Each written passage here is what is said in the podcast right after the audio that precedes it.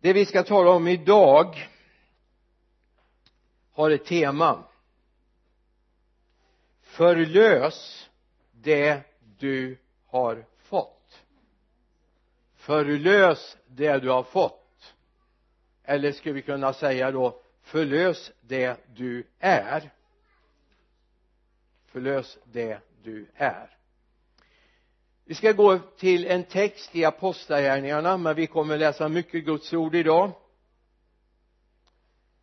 Eh, apostlagärningarnas tredje kapitel verserna 2 och 3 och sen 6 till 9 apostlagärningarna 3 verserna 2 och 3 och verserna 6 och 9 då bar man dit en man som har varit lam från födelsen varje dag satte man honom vid tempelporten som kallas sköna porten för att han skulle be dem som var på väg in i templet om en gåva. När han nu såg Petrus och Johannes skulle gå in i templet bad han om en gåva. Vers 6 men Petrus sa silver och guld har jag inte men vad jag har det ger jag dig. I Jesu Kristi Nazarens namn stig upp och gå och han tog honom i högra handen och satte honom upp. Genast fick mannen styrka i fötter och vrister. Han hoppade upp stod upprätt började gå och följde med dem in i templet. Han gick och hoppade och prisade Gud. Allt folket såg honom gå omkring och prisa Gud. Det vi har ger vi dig. Det vi har ger vi dig. Två enkla män två fiskare olärda män ur folket kommer och går in i templet. De har inte mycket på sin meritlista. Jo de vet var man kastar ut näten och hur man gör det. Man vet hur man vittjar dem, gör rent dem för att kunna kasta ut dem nästa dag igen om man vet när och var. Det står på deras CV står förmodligen inget om folkskola eller grundskola eller gymnasium på deras CV de är enkla fiskare. Och de fick vara i tjänst för Gud.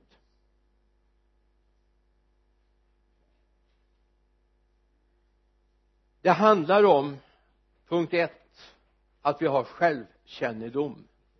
Vilka är vi? Vad har vi fått med oss på resan? Och vad vill Gud med våra liv? Självkännedom. Petrus och Johannes visste vilka de var. De visste vems skola de hade gått. Och när de står där i skarpt läge ja men de hade ju varit ute och testat men då kunde de ju rusa tillbaka till Jesus och säga Jesus det funkade inte. Det, det, det, det gick inte bra den här gången. Vad gjorde vi för något fel? Och de tog ju med sig då när de var ute på de här testperioderna med sig folk tillbaka till Jesus när de inte lyckades. Men nu fanns inte Jesus gåendes här på jorden längre. Nu var de i skarpt läge.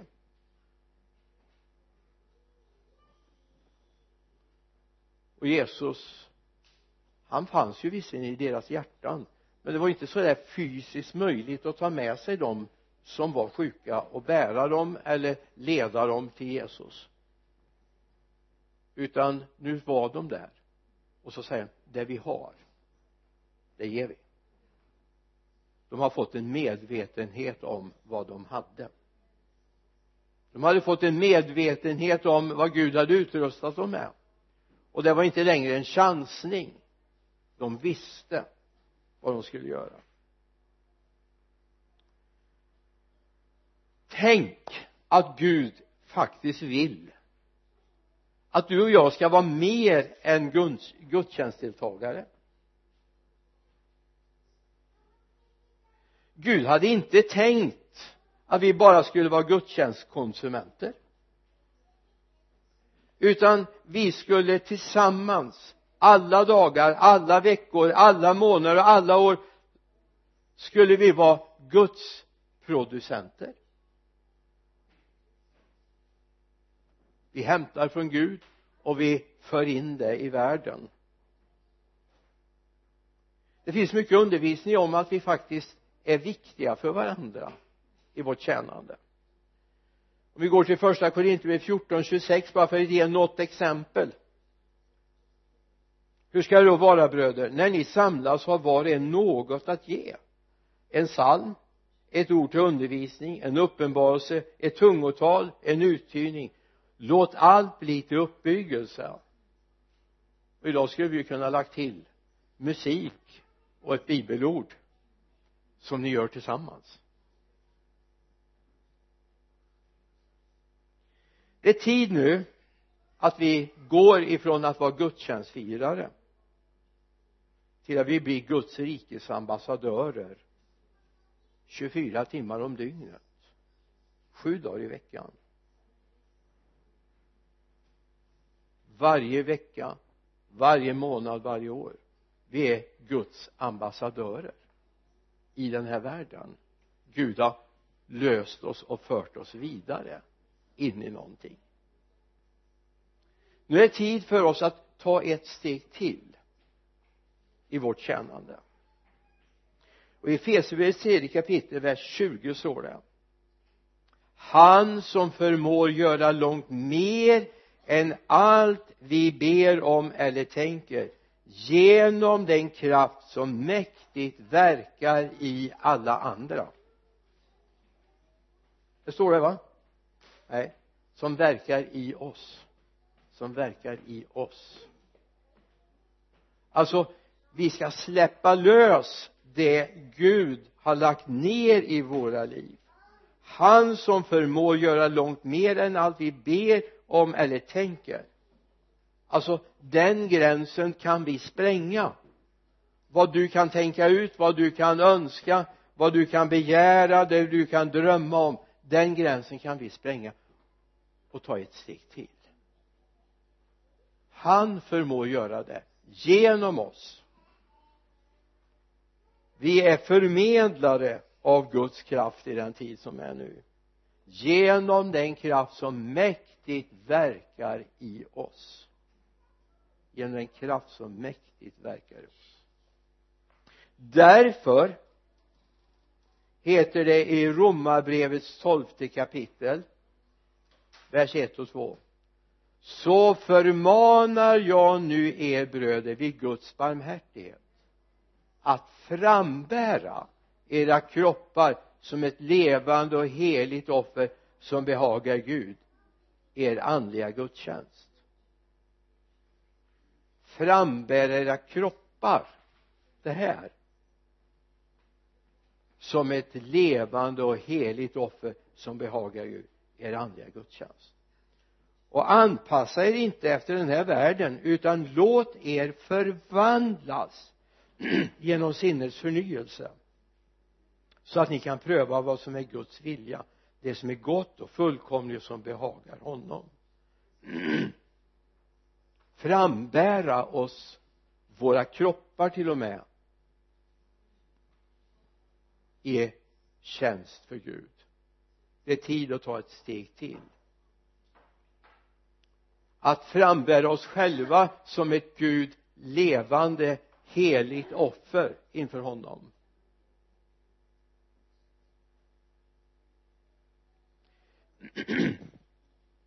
Gud vill utmana oss idag. Att börja vakna till och börja fundera över har jag nått den gräns Gud vill med mitt liv? Är jag där Gud vill att jag ska vara?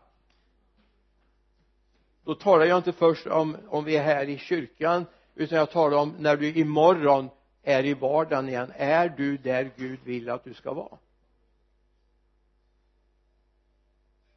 Gör jag det Gud vill med mitt liv? Det kanske är tid nu att ta ett steg till. Börja fundera över vad vill jag med mitt liv?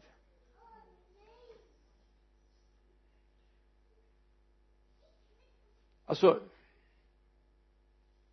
Gud behöver inte fler bedömare. Guds verk och församlingen och gudstjänsten och, och evangelisation eller vad det nu handlar om det är ingenting vi ska bedöma. Det är som att vi har ibland i vissa gudstjänstsammanhang så har vi ett, ett gäng här framme och så sitter det ett antal människor och ibland får man nästan känslan även om de inte finns så sitter man där med en siffra i handen. Bedöm det här från 1 till 10 och så räknar man ihop ja det slog förra inslaget. Får vi se om det slår nästa inslag då som kommer. Alltså det är ju ingen bedömningssport vi håller på med. Gud har ingen läktare det har jag sagt hundra gånger förut. Gud har ingen läktare. Det finns ingen plats att trängas på läktaren varken ståplats eller sittplatsläktare. Det finns bara en spelplan en härlig yta där vi alla får vara med. Där Gud använder oss. Ta ett steg ut på den planen och låt Gud använda dig. Gå ifrån konsumtion eller bedömning till att vara med i kampen. I Guds rike.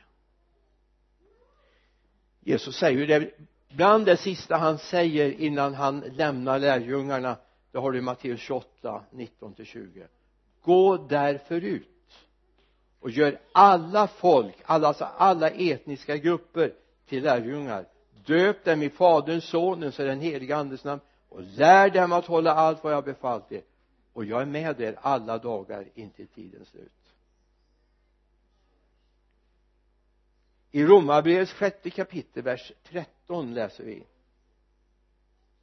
Ställ inte era lemmar i syndens tjänst som vapen åt orättfärdigheten utan ställ er själva i Guds tjänst.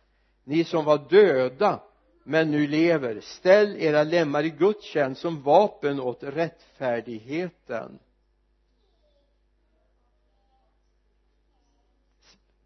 Ställ er alltså i mina öron förmodar jag i dina öron också låter det som att det är någonting som jag själv gör. Gud tar mig inte i håret och lyfter mig liksom och helt plötsligt oj nu är jag ute på spelplanen. Oj! Hur hamnade jag här? Det kommer aldrig ske. Det kommer aldrig ske. Det är ett val du har att göra. Och det finns bara ett hållbart val men det är ett tufft val.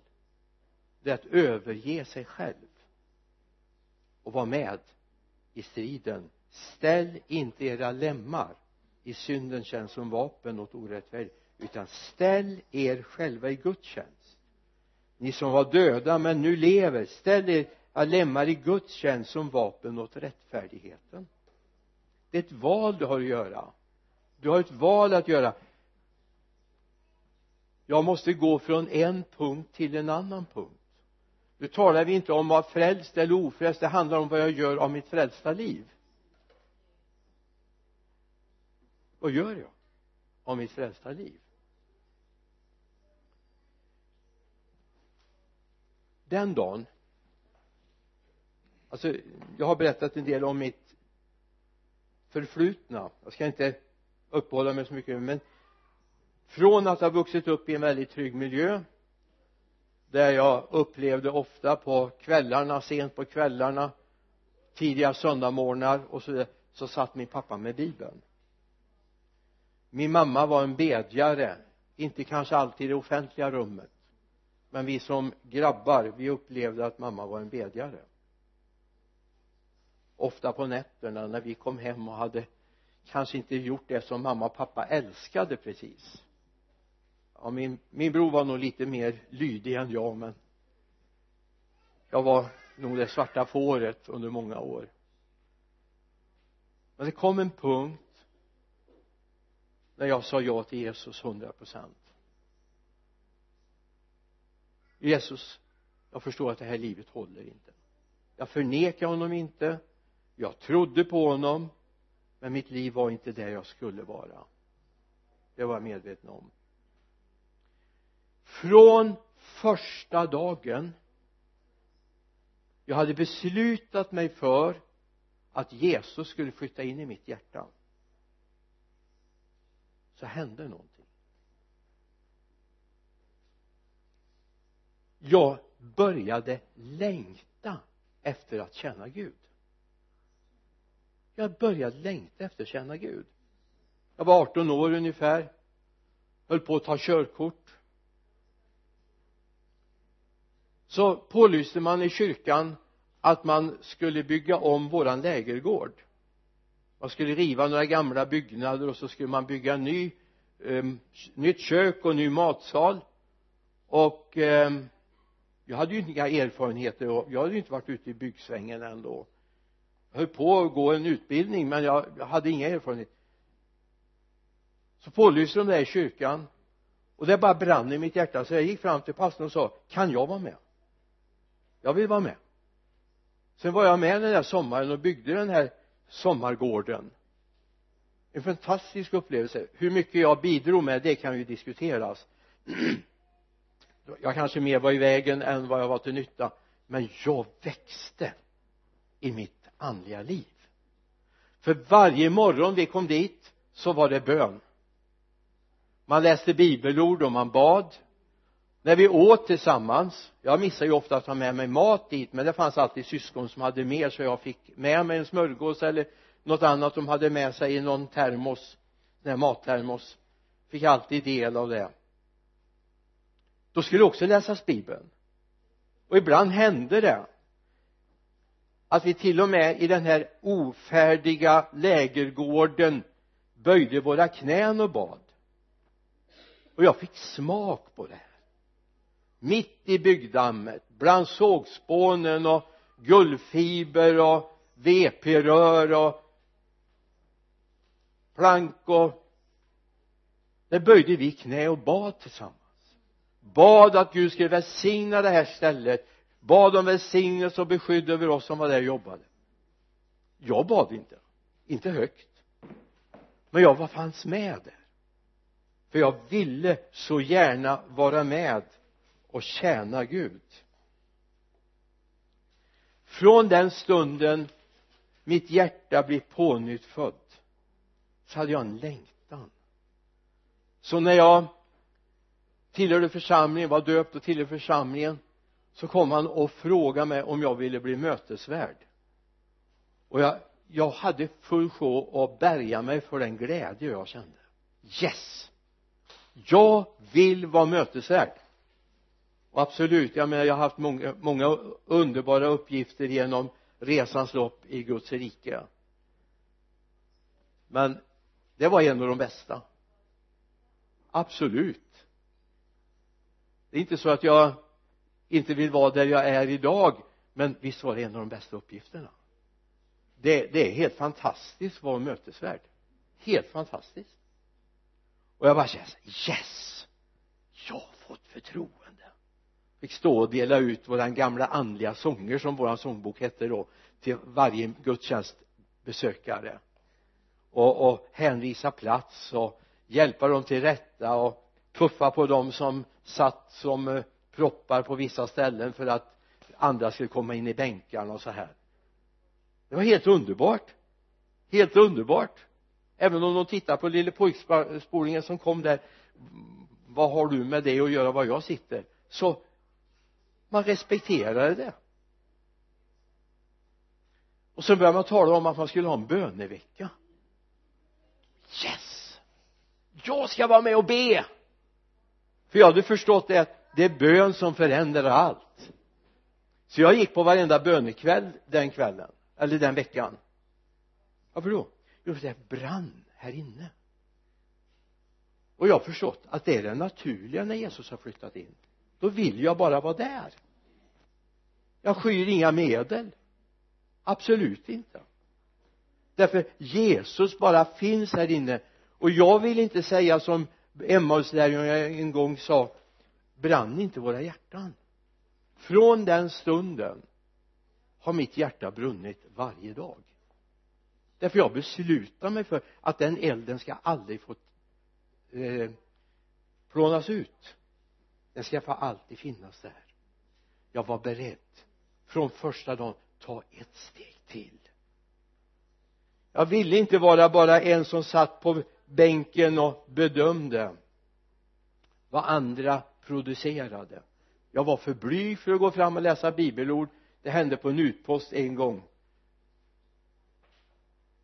Uppe i, i Örvadsbro heter det, det ligger mellan Mariestad och ska vi säga Gullspång det finns en liten liten plats med fem sex hus. Där hade vi ett kapell. Där var jag med och läste inledning. Där satt nog bara tre fyra själar där nere. Och så var det några sångare från stan och så var jag pastorn. Och jag, jag fick stå bredbent så att man inte hörde hur mina knäskålar slog ihop. Och det var märkligt. Alltså raderna hängde inte ihop. Men jag brann jag ville. Och så läser jag andra korintierbrevet femte kapitlet jag börjar på vers 14 följ med mig.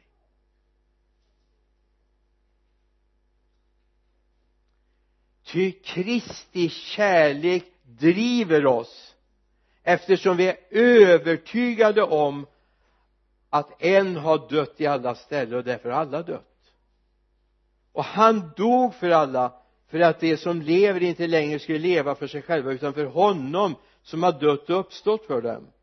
Därför känner vi inte längre någon på ett ytligt sätt. Även om vi kände, hon, kände Kristus på ett ytligt sätt känner vi honom inte längre så. Alltså om någon är i Kristus är han en ny skapelse det gamla är förbi. Se det nya har kommit när Guds kärlek är utgjuten genom den heliga ande i våra liv så blir det förändring. Då funderar jag inte på om jag ska gå på bönemöte då funderar jag inte på jag bara måste. Jag bara måste. Därför att jag vill vara där Guds ande verkar. Och jag vill vara en kanal för Guds ande. Jag var 18 år och det brann i mitt hjärta. Jag var inte uppfylld av den helige anden. Det kommer betydligt senare. Då tog jag ytterligare ett steg i mitt liv. Ett betydande steg. Men jag brann av Guds kärlek i mitt hjärta. Så jag skulle vilja säga håll i er. Alla människor. Alla människor oavsett bekännelse om tro. Oavsett om man är frälst eller inte frälst är utvald för att tjäna Gud. Gud vill använda oss. Sen vet jag att en del säger så här ja, vi är för blyga vi är för sagda vi är osäkra. Och kanske Gud inte vill använda mig. Varför har djävulen lyckats preparera våra hjärtan på det sättet? Men Gud vill ju. Han vill ju ingenting högre än använda dig. Han vill ju inget annat än få använda dig och prisa honom att berätta om honom, att lovsjunga honom att tjäna med praktiska gåvor i församlingen. Gud vill ju ingenting högre. Han vill ju att du ska få stå i tjänst för honom. Och så finns det till och med kyrkliga ledare som säger att det inte är viktigt att öppna munnen och prisa Gud i det offentliga rummet i församlingen det är inte viktigt att tjäna Gud och hjälpa till i en församlings arbete med den gåvor jag har. För det handlar ju om hjärtats tro, ja visst men också munnens bekännelse handlar det om. Så det handlar inte bara om hjärtats tro för då kvävs det snart. Det handlar också om att det får utlopp. Jakob skriver i det andra kapitlet vers 17 så är också tron i sig själv död när den är utan gärningar. Nu säger kanske någon du har tro. Ja men jag har också gärningar. Visa mig din tro utan gärningar så ska jag visa dig min tro genom mina gärningar.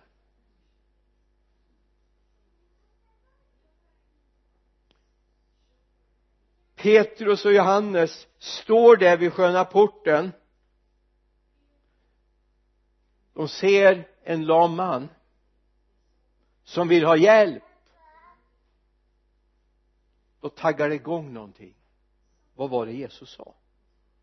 Hur var det Jesus gjorde? Vad var det vi var utsända för att göra?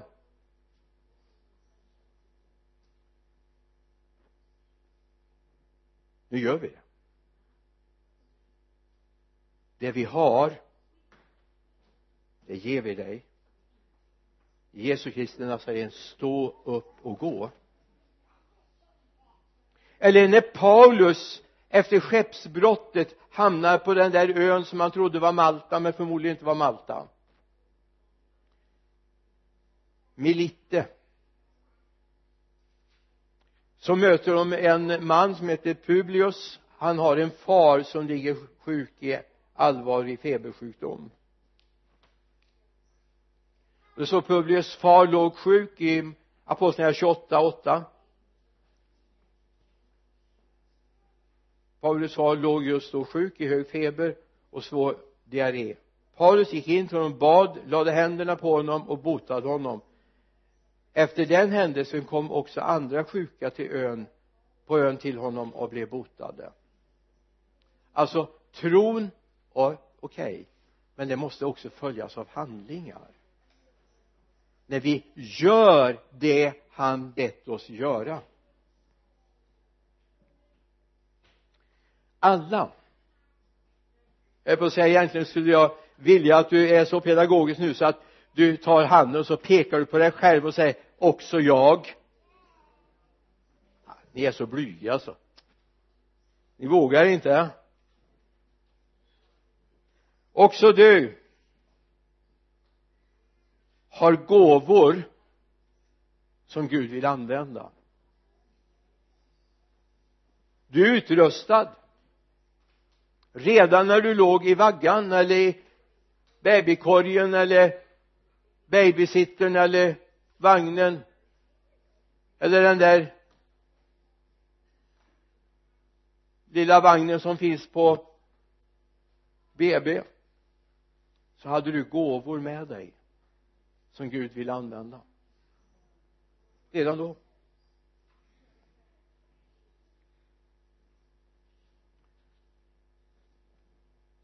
Redan då gällde det här som Jesus säger till lärjungarna långt senare i deras liv. Himmelriket är nu här. Det är Matteus 10, 7 sista delen av den versen. Bota sjuka, uppväck döda, gör spetälska rena, driv ut onda andar det ni har fått som gåva, ge det som gåva. Skaffa er inte guld, silver eller koppar i era bälten. Himmelriket är här. Bota sjuka, väck upp döda. Gör spetälska rena, driv ut onda andar. Det ni har fått som gåva, ge det som gåva. Nu kan det finnas en och annan vän av ordningen som säger så här ja men onda andar det trodde man på under medeltiden jag ska säga dig det är mer allvarligt idag än någonsin. Det finns demoniska krafter som skakar om. Skulle bara kunna säga Paris fredag kväll. Inte var det Gud som sände dessa människor. Och jag är på att säga jag tror inte ens det var islam utan det var långt längre bort det var djävulen som sände människor. Sen att de försöker göra det i Guds namn det är en annan sak. Det finns demoner som behöver drivas ut också i vår tid. Helt klart. Jesus säger så här i Johannes 14 vers 12 till 14 amen amen säger jag er. Den som tror på mig skall utföra de gärningar som jag gör. Och större än dessa skall han göra ty jag går till fadern. Och vad ni än ber om i mitt namn ska jag göra för att fadern ska bli förhärligad i sonen. Om ni ber om något i mitt namn ska jag göra det. Det är ganska spännande med det här uttrycket större än dessa ska han göra. Vet du vad det är för något ord som står där i grekiskan? Det är ord som vi har fått över sen som någon sorts försvenskat. Det är mega. Mega. Vi ska göra megagärningar. Yes. Vi ska göra megagärningar. Vi som tror på honom Jesus ska göra gärningar vi ska göra gärningar som han gjorde. Ja till och med större megagärningar. Inte därför att vi ska bli ärade utan för att han ska bli ärad.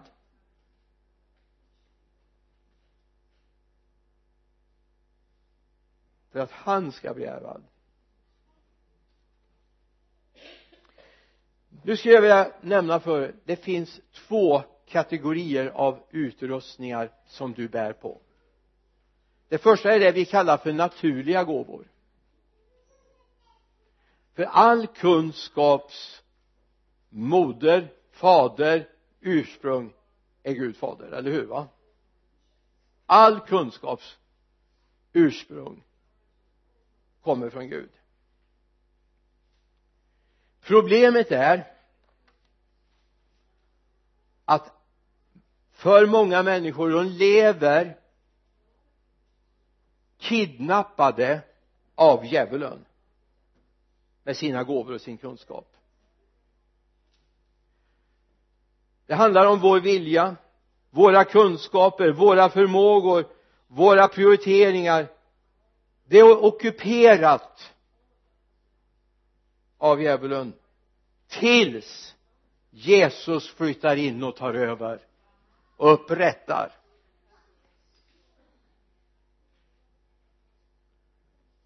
Nu kommer jag säga saker som kanske kommer göra att du slår kullerbytta här men det kan ju vara spännande i och för sig.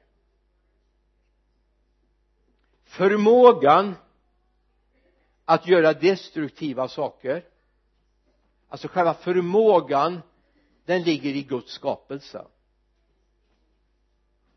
men det är inte under kontroll av Guds skapelse.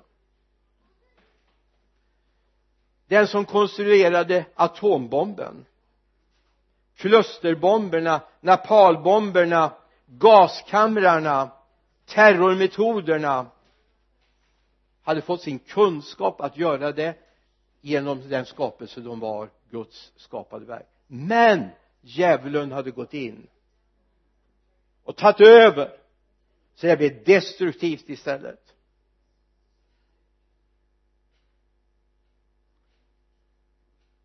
Själva embryot till det här sker redan i Edens lustgård för där äter man av det förbjudna trädet kunskapens träd på gott och ont. Problemet är att när djävulen flyttar in så blir det bara på ont det finns inget gott längre. Därför Gud är inte med och styr men förmågan har funnits. Det här är svårt för oss att förstå. Det är som att förstå ondskan. Varför kom den? Men Paulus skriver i romarbrevets sjätte kapitel vers 19 till och med vers 23 för er mänskliga svaghets skull använder jag en enkel bild. Ty liksom ni föreställde era lemmar i orenhetens och laglöshetens slavtjänst. Till ett laglöst liv. Så skall ni nu ställa era lemmar i rättfärdighetens slavtjänst till helgelse. Medan ni var syndens slavar var ni fria från rättfärdigheten. Men vad skördade ni då för frukt? Jo det som ni nu skäms för. Slutet på sådant är döden. Men nu då ni befrias från synden och blivit Guds slavar blir frukten att ni helgas och till slut får evigt liv. Ty syndens lön är döden men Guds gåva är evigt liv i Kristus Jesus vår Herre. Amen. Alltså det finns i varje människa en hel uppsättning av förmågor av gåvor som behöver få helgas och sättas i bruk för honom som har skapat oss.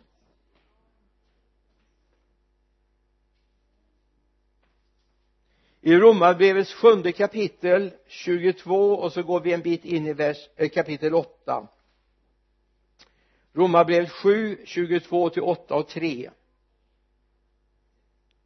till min inre människa gläder jag mig över Guds lag. Men i mina lemmar ser jag en annan lag som ligger i strid med lagen i mitt sinne och som gör mig till en fånge under syndens lag i mina lemmar. Jag arma människa. Vem ska frälsa mig från denna dödens kropp? Gud vare tack. Jesus Kristus vår Herre. Alltså tjänar jag själv med mitt sinne Guds lag men med köttet tjänar jag syndens lag. Följ med mig in i åttonde kapitlet nu då.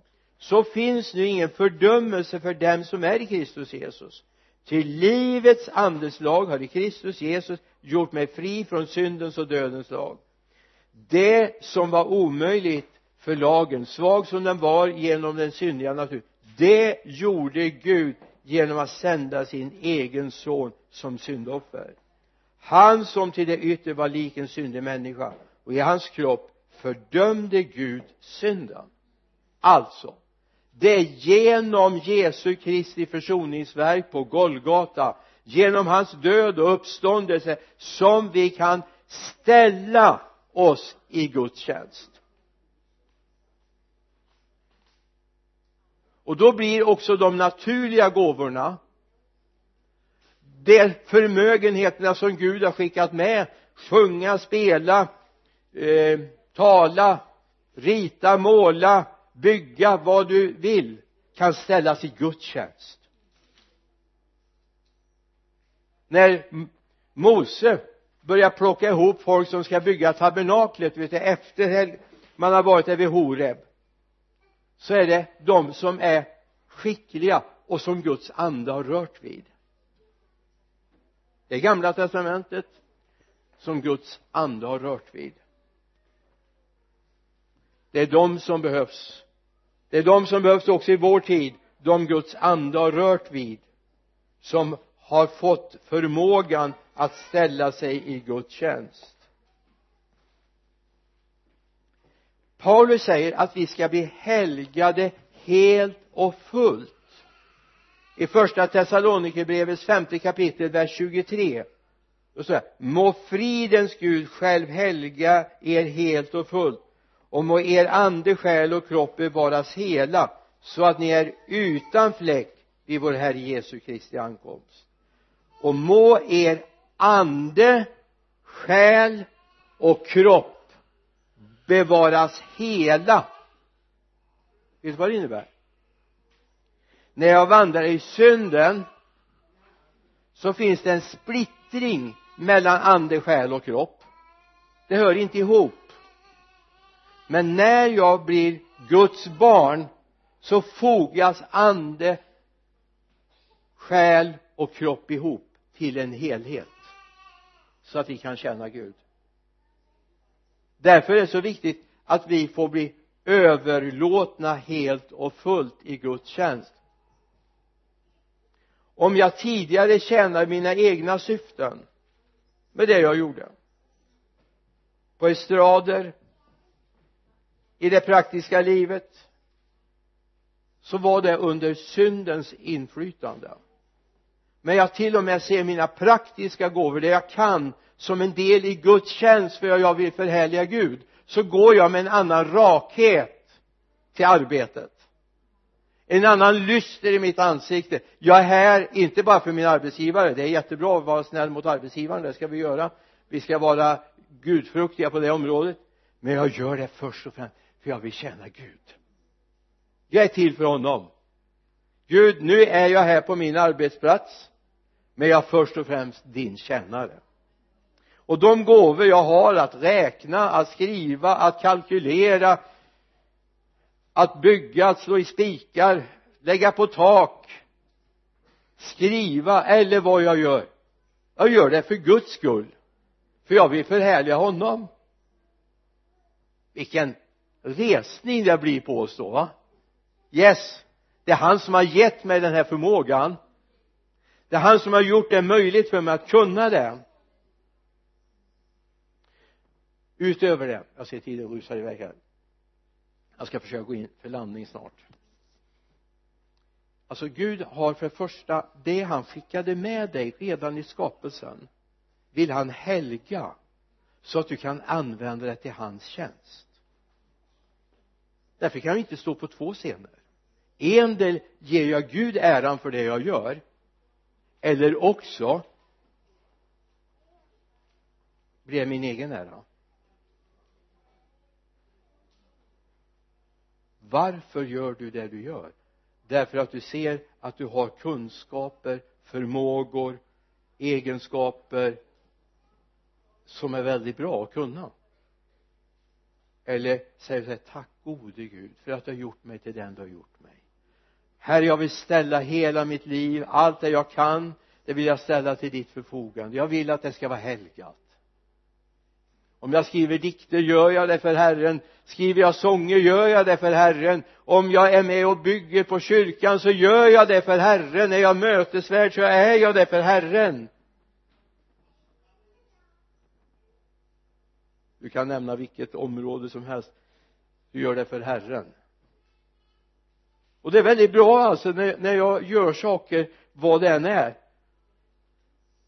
Så på morgonen jag har en eh, god vän tillhörde förra församlingen som jobbade på en plats där det var väldigt tufft. Det var väldigt tufft för den arbetsplatsen. Framförallt haglade svordomarna väldigt mycket. Och man berättade slippriga historier och ja, det, det var mycket som liksom hon bara kände här, här hör inte jag hemma. Ändå kände hon att Gud hade kallat henne att vara där. Så hon trampade till jobbet och kom alltid en kvart, tjugo minuter före alla andra. Hängde av sig först så fort hon kunde in på toaletten, låste dörren. Inte för att göra sina behov. Eller ska vi säga kanske var hennes behov. Hon böjde knä på toalettgolvet och bad Gud använda henne. Därför hon visste att Gud hade kallat henne att vara där. Men hon vantrivdes egentligen därför att det var så mycket i hennes inre som reagerade emot och så småningom fick hon seger över den arbetsplatsen. Det började dämpa ner sig. Jag skulle kunna be henne vittna om det någon gång. Hon är en blyg kvinna som eh, helst inte berättar om det men hon har berättat i bönegruppen om det när vi var med i den. Och bad om förbön den här kamptiden. Nu är hon pensionär sedan några år tillbaka. Men just detta att ta kampen tillsammans med Gud. Du har sagt att jag ska vara här. Gud det är inte enkelt men jag, jag kommer en kvart, tjugo minuter innan alla andra så jag hinner böja mina knän på toalettrumsgolvet och be.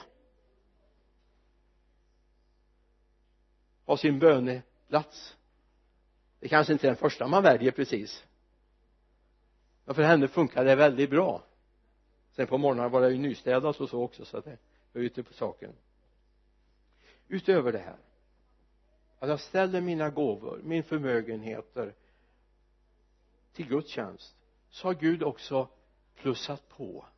Han har bosatt med andliga gåvor. Yes.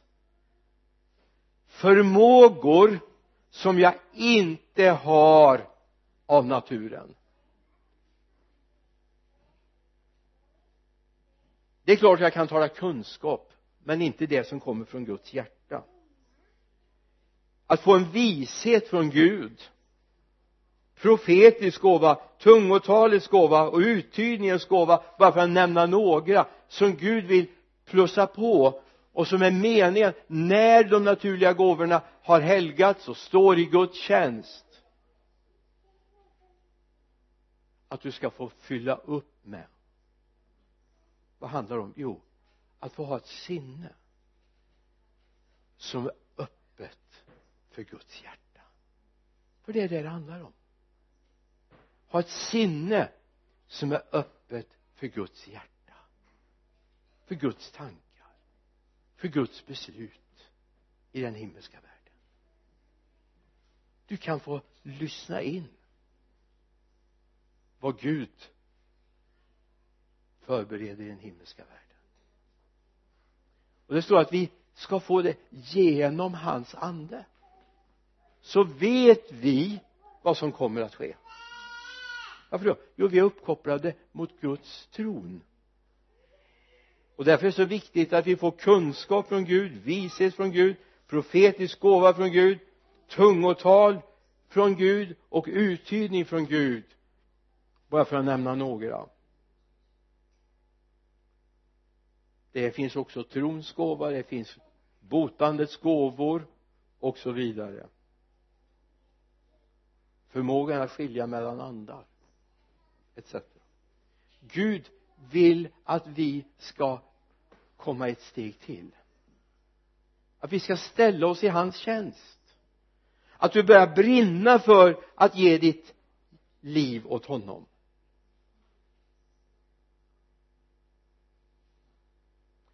Att få gåvan med ett älskande hjärta.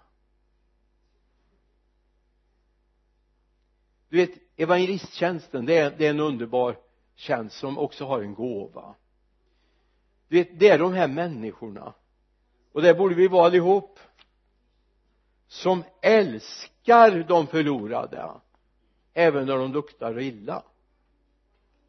Som älskar dem som inte alltid passar in i rutmönstret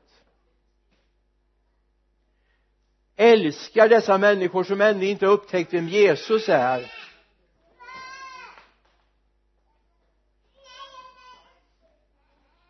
Men kom ihåg alla gåvor är Guds. Och nu är frågan vad har du med dig av naturliga gåvor? Eller vad Gud utrustat dig med genom erfarenheter och upplevelser under livet. Som Gud vill ta hand om och forma till någonting gott. Vad har du med dig? Tänker bara på, på Mose vet du. Mose när han skulle gå till farao så frågar Gud honom det har det i andra Mosebok det fjärde kapitlet. Vad är det du har i handen? Och Mose säger en stav. Och säger Gud kasta den på marken. Och när Mose kastade staven på marken förvandlades den till en orm. Och Mose flydde för den. Men Herren sa till Mose räck ut handen och ta den i stjärten. Då räckte han ut handen och grep ormen. Och den förvandlades åter till en stav i Mose hand. Det kan se så obetydligt ut där du har. Men lyssna på Gud. Vad vill han använda din gåva till? Det gäller att sjunga, spela, snickra, snida, måla. Samtala med människor, ha omsorg om medvandrare vad har Gud lagt för några gåvor i din hand? Vi vet bara att vi är olika utrustade när det gäller att bry oss om andra människor vi har lite olika nivåer på empati. Alla behöver empati. Alla behöver be ut det från Gud. Men det är ändå lite olika. En del har de där omsorgsgåvorna. Du har det kanske av naturen. Du har varit en sån här vårdande människa ända från där du kunde börja krypa. Och det har utvecklats. Men har du ställt dig i Guds tjänst vad har du? Om det inte är direkt i handen men, men vad har du med dig? Vilka gåvor har du? Har du tänkt att det här vill Gud använda? Det här vill Gud använda. För att förhärliga hans namn inte ditt. Så utmaningen idag är vad har du som Gud kan få helga? Vad har du med dig? Som Gud kan få använda. Och när börjar ditt hjärta brinna så att du inte skyr några medel för att vara det Gud vill att du ska vara. När brinner ditt hjärta så mycket för syskonen så du är beredd och till och med om så skulle krävas ge ditt liv för dem. Det är då Guds kärlek testas. Amen herre låt det här få landa i våra hjärtan. Jag ber om det Jesus. Jag ber att vi ska verkligen ta det här med oss få leva med det, vandra med det. Herre men framför allt låt oss ta ett steg till. Låt oss inte vara nöjda att vi är där vi är i relationen till dig. Utan herre jag ber att du just nu kallar ut människor i din tjänst löser människor från där de sitter fast i den här tiden. Herre jag bara tackar dig för att du herre har ett betydligt högre mål för var och ens liv fader. Du har mer att ge. Herre dina resurser är inte uttömda. Dina möjligheter är inte uttömda. För att ge oss verkligen en framtid och ett hopp. Både som individer men som församling. Jag ber dig herre kom och lägg kallelsemanteln på någon eller några speciellt här idag. Jag ber om det herre. Låt några herre få börja få en ny kärlek till dig, till församlingen, till syskonen, till det som sker i församlingen herre. Jag ber dig. Låt det inte vara en träldom utan låt det vara en glädjefest att få mötas i ditt hus. Amen. Amen.